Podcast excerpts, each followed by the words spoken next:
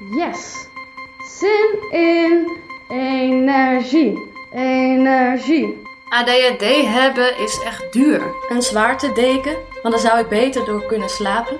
Een daglichtlamp, want dan maak je meer vitamine D aan en word je beter wakker in de ochtend. Welkom in mijn hoofd. Oh, ik moet echt niet vergeten om die terugbetalingsregeling in te dienen. Dat bonnetje, dat moet ik nog eventjes regelen inderdaad om mijn geld terug te krijgen. Mijn ADHD-hoofd. Sowieso alle therapieën. Nou, de diagnose, die was duur via ADHD Centraal. Een deel wordt wel vergoed, maar de, de kosten.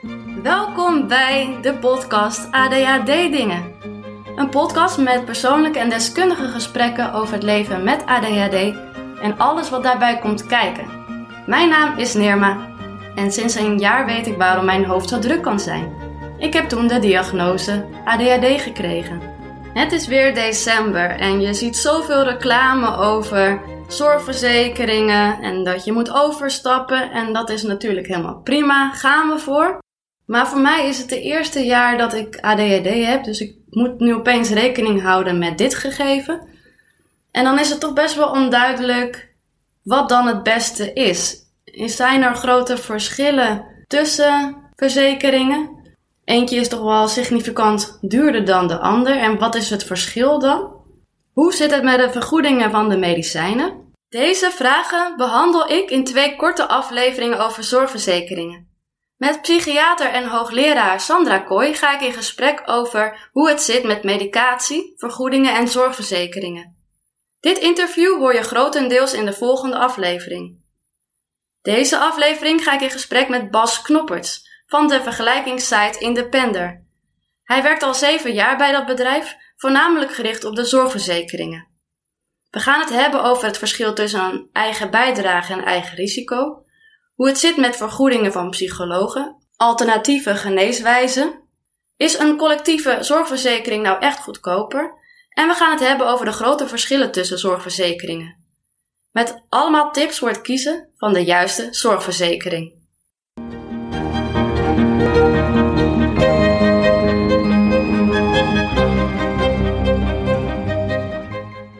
Ik begin eerst met Bas Knopperts van de Independer.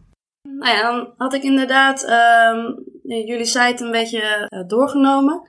En eigenlijk beginnen jullie pagina ook, en daar zijn volgens mij ook wat vragen over. Ja, hoe zit het met eigen risico en eigen bijdrage? Kan jij me daar wat uh, meer over vertellen?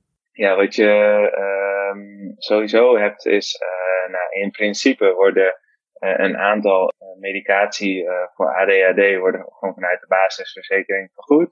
Um, en dan is dat eigenlijk standaard vaak wat je hoort, is dat Ritalin wordt voorgeschreven en wordt, wordt afgegeven. Maar daarnaast heb je ook nog andere ja, medicaties daartegen. Alles wat vanuit de basisverzekering wordt vergoed, dus bijvoorbeeld medicatie, gaat vanaf je achttiende ten koste van je eigen risico. Dus tot je achttiende, dus als je medicatie voor kinderen nodig hebt, dan, dan geldt er geen eigen risico. Want pas vanaf je achttiende uh, heb je die 385 euro per jaar aan eigen risico. Dus als je daar uh, ja, gebruik van maakt voor de medicaties uit de basisverzekering, dan gaan die kosten van het eigen risico af. En naast het eigen risico heb je ook inderdaad eigen bijdrage. Dat klinkt hetzelfde, maar dat is, uh, dat is iets anders. Sandra Kooi legt de eigen bijdrage uit. Dus de eigen bijdrage is iets wat de overheid heeft gedaan om uh, onevenredige kosten voor mensen die chronisch medicijnen nodig hebben te beperken. Dat betekent dat je alle ADHD-medicatie kan gebruiken. Nu, als je 250 euro per jaar kan bijdragen. Ja, goeie. En dat is niet zoveel, want het is maar 20 euro per maand zo'n beetje. Dus dat is wel te doen als je dat opzij legt. Ja, precies. Voor, voor de meeste mensen is dat te doen. Dat betekent dat, dat we dus in feite veel meer keus hebben in het voorschrijven van langwerkende ADHD-medicatie. Ja, dus even recapituleren van uh, eigenlijk is het sowieso als je medicatie hebt, altijd slikt, is inderdaad dat je sowieso die 385 euro moet betalen vanuit je eigen risico. En daarna uh, nog maximaal 250 euro. Dat is gewoon eigenlijk één ja. Standaard gegeven. eigen bijdrage. Ja, ja. Dus... Aangezien ik een tijd lang Amvexa, wat nu Tentin is, heb geslikt, vroeg ik aan Sandra over hoe het zit met eigen bijdrage en de terugbetalingsregeling vanuit HEVO. Als je Tentin of Amvexa gebruikt of Elvanse, dat zijn relatief nieuwe dexamfetamine medicijnen, ehm, die hebben een terugbetaalregeling voor die eigen bijdrage. Dus die 250 euro kan je in veel gevallen uh, of grotendeels terugkrijgen via hevoconsult.nl, dat is voor Amvexa en Tentin, of via terugbetaalregeling.nl, dat is voor Elvansen. Oké. Ja. Dus, maar snap je hoe ingewikkeld en veel details het allemaal zijn?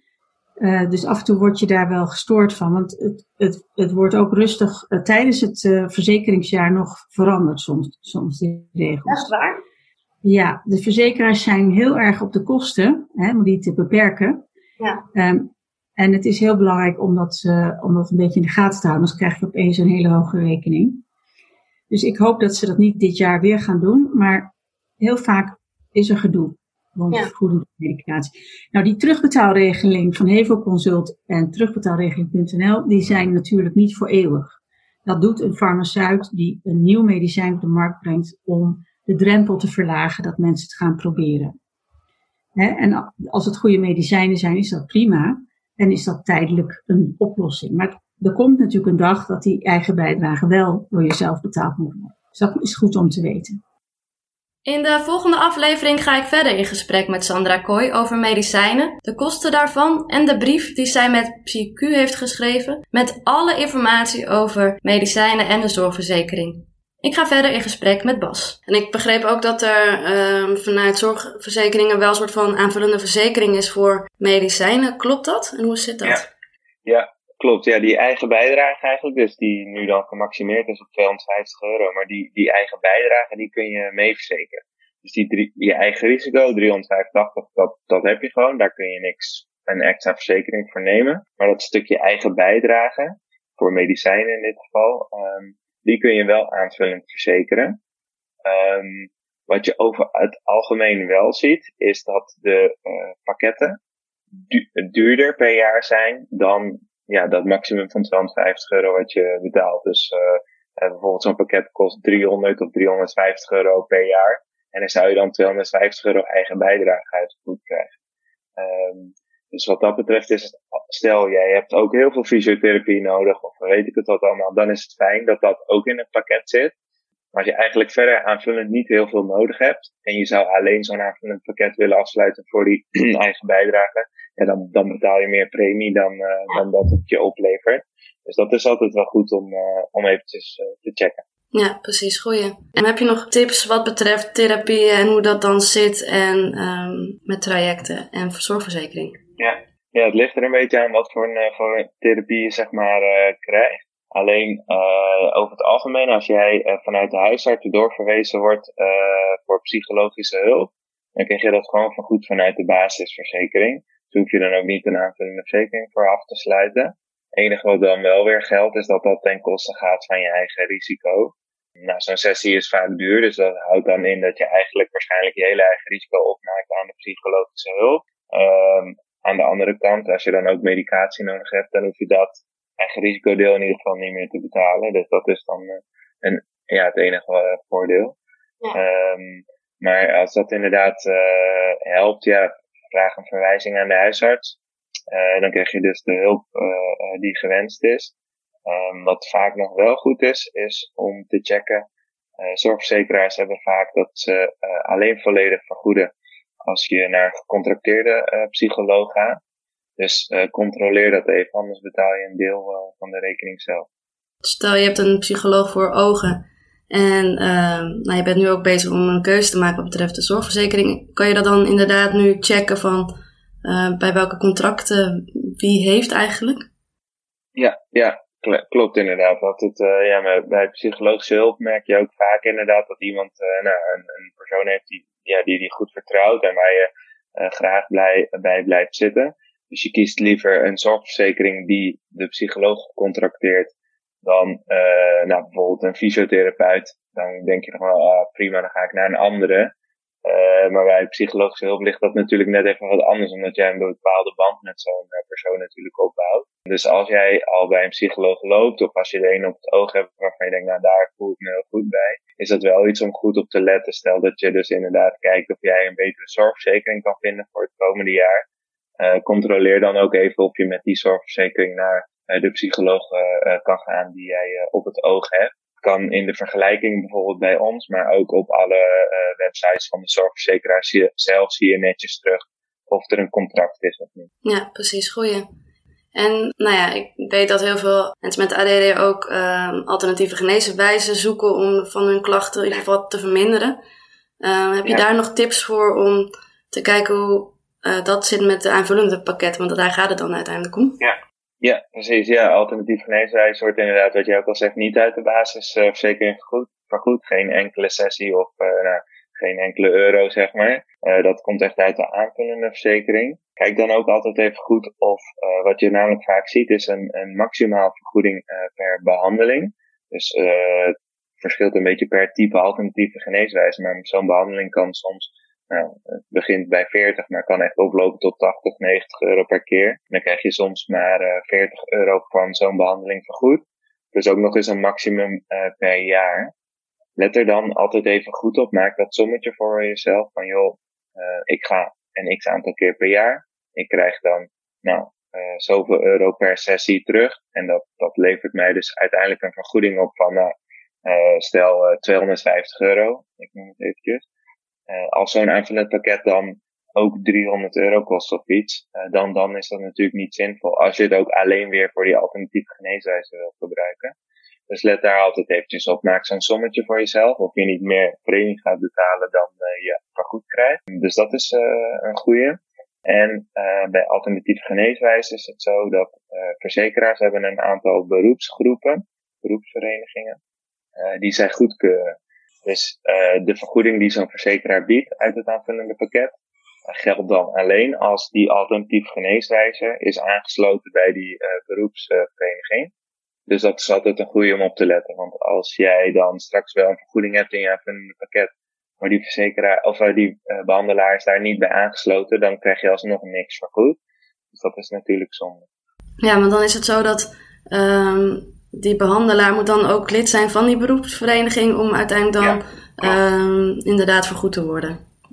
Ja, precies. Ja. En dan zijn er dan ook nog grote verschillen in de aanvullende pakketten van verschillende zorgverzekeraars. Bij, met welke beroepsgroepen ze werken? Zijn er grote verschillen? Uh, over het algemeen zie je wel een beetje dezelfde, dezelfde lijn, zeg maar. De, de beroep, je kent ze, de beroepsgroep zelf niet aan mijn hoofd, maar je ziet vaak wel bijvoorbeeld voor acupunctuur, die, die en die beroepsvereniging, en die zie je vaak dan wel terugkomen bij de verzekeraar. Over het algemeen zie je daar wel eenzelfde, trend, om het zo te zeggen. Um, dus over het algemeen, als jij bij jouw alternatief geneeswijze post of die überhaupt is aangesloten bij zo'n beroepsvereniging en bij welke dan, ja, zul je vaak zien dat dat dan voor vergoeding in aanmerking komt. Maar altijd even goed om die, uh, om die check wel eventjes uh, te doen. Ja, ja goeie. En waar zitten dan de grote verschillen in uh, tussen de zorgverzekeringen? Want nou, je hebt sowieso natuurlijk basisverzekering, die zijn volgens mij ja. over het algemeen gewoon hetzelfde. En nou ja, je zegt nu ook al bij de beroepsvereniging, ook al bij de aanvullende pakketten. Zie je ook wel een bepaald soort trend. Dus waar zitten de grote verschillen? Ja, de grote verschillen zitten uh, aan de ene kant, naar de, de inhoud van de basisverzekering is overal gelijk.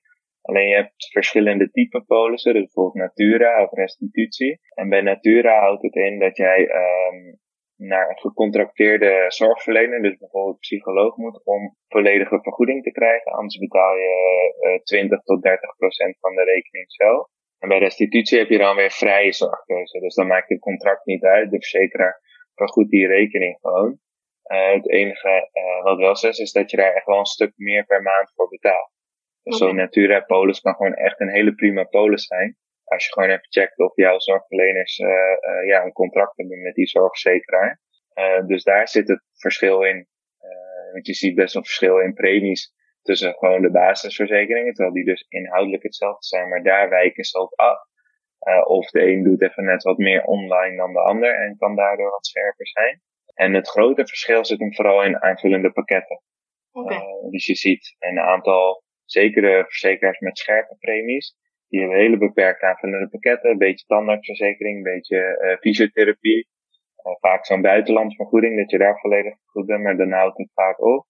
Terwijl er dan wat duurdere verzekeraars, die komen dan echt met uitgebreidere aanvullende pakketten. Dus bijvoorbeeld inderdaad voor alternatieve geneeswijzen, uh, meer behandelingen, fysiotherapie, zo'n eigen bijdrage voor medicijnen, brillen, lenzen, zeg maar. Dus vooral in de aanvullingen zitten heel veel verschillen bij verzekeraars. Okay. En waar één pakket 250 euro per jaar alternatief vergoedt, gaat de andere tot wel 750 euro per jaar. Uiteraard hangt daar dan natuurlijk ook een ander prijskaartje aan.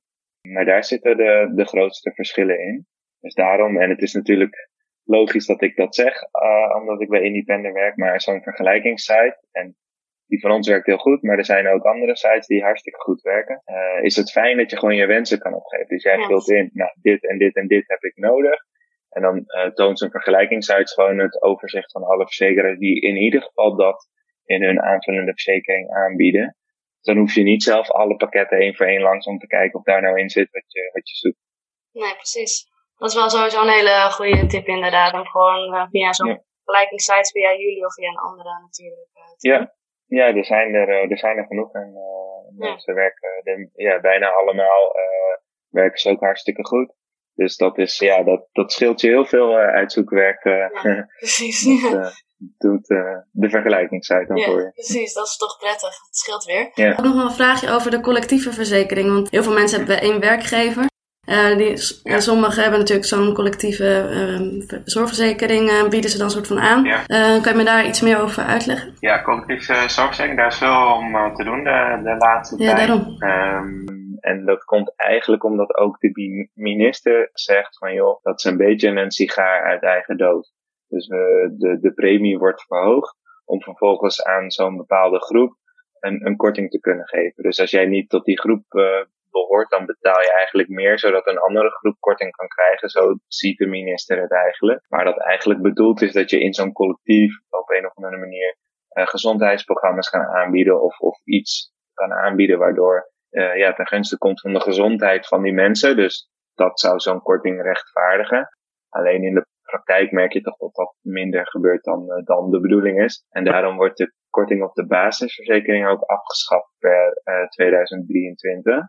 Wij zelf vinden er ook wel wat van, van die collectiviteitskorting. Zeker voor mensen die eigenlijk alleen een basisverzekering nodig hebben, zijn er veel betere premies zonder korting dan die duurdere verzekeraars met maximaal 5% korting. Ga je aanvullend verzekeren, ja, dan zul je echt goed moeten kijken. Dan, het kan namelijk zijn, daar worden bij sommige collectiviteiten echt wel hoge kortingen gegeven als je echt zo'n uitgebreid pakket nodig hebt met al die vergoedingen die daarin zitten, plus die, die hoge uh, korting, die soms 20 tot 30 procent is op zo'n aanvullend pakket, ja, dan kan het zeker zijn dat die wel interessanter is dan aanbod buiten collectief. Maar dat is wel echt goed om op te letten. Aan de ene kant heb ik echt die uitgebreide pakketten nodig.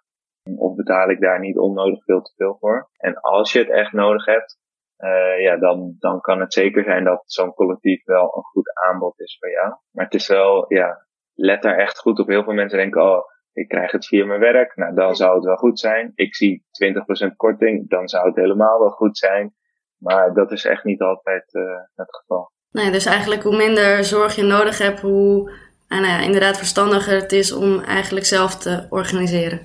Ja, zeker. Ja, ja zeker. Want ja, wat je, wat je ook gewoon vaak ziet, is dat die mensen ook door die kortingen hele hoog aanvullende pakket hebben. Maar ja, als er iets gebeurt, dan zit ik in ieder geval goed. Alleen als er iets gebeurt, daar bedoelen ze dan eigenlijk mee. Nou, als ik, uh, ja, het, klinkt heel ernstig, maar een hartaanval krijg, mijn been breek, uh, in het ziekenhuis beland. Dat bedoelen ze met als er iets gebeurt. Maar dat zit allemaal in de basisverzekering. Dus daar heb je helemaal niks aan zo'n hoog aanvullend pakket. Want je basisverzekering uh, vergoedt dat gewoon, of ambulancevervoer. Um, dus ja, zo'n heel hoog pakket lijkt van, ah, dan ben ik in ieder geval goed verzekerd. Maar dat hebben heel veel mensen helemaal niet nodig. Dus dat is altijd goed om uh, ja, te kijken of je niet oververzekerd bent. Verdere tips, want we hebben een aantal tips al besproken. Heb je nog verdere ja. tips om, het, uh, nou ja, om te kijken van, ja, wat is nou wijsheid en om je zorgverzekeringen te kiezen? Ja, ja, wat wij zelf altijd uh, als tip geven is, joh, uh, wat we vaak zien is dat uh, partners bij elkaar op de polis willen, dus dezelfde verzekering willen en dergelijke, terwijl ze vaak niet dezelfde wensen hebben. Dus doe dat vooral niet. Vergelijk lekker los van elkaar om, om voor ieder de beste deal te hebben. kinderen tot 18 jaar zijn gratis mee verzekerd. Dus verzeker die mee met de ouder die het uitgebreidste pakket neemt, want dan hebben de kinderen automatisch ook recht op die vergoedingen. Uh, als bijvoorbeeld een van de kind gaat beugelen, uh, dan heb je dus een verzekering nodig die een beugel vergoedt.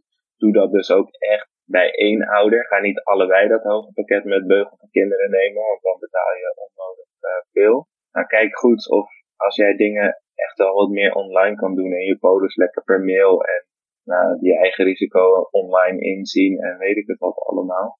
Kijk dan gewoon lekker naar een verzekeraar die wat meer online georiënteerd is. Dat kan echt uh, ja, in de maand besparen. Nou, waar we het over hebben gehad. Uh, als je bepaalde zorgverleners hebt waar je graag naartoe gaat, check even of die een contract hebben met de verzekeraar. Dan zit dat in ieder geval goed. En dan, uh, nou, ga je daar niet meer voor betalen. Verder nog tips. Ehm, nee, ja, en ja, inderdaad, waar we het al over hebben gehad. Check wat jij nodig hebt, denkt te hebben aan vergoedingen nou, neem dat mee in zo'n vergelijking en kijk welk, welke verzekeraar daar voor jou het beste uitkomt. En dat, uh, ja, dat is het eigenlijk. Top. Nou, ik ben in ieder geval uh, blij met al deze informatie. Um, yeah. Dankjewel, want ik denk dat de yes. luisteraars er veel aan hebben. Mooi zo. Zijn er nog andere dingen die je kwijt wil, wil mededelen voordat we het interview afsluiten?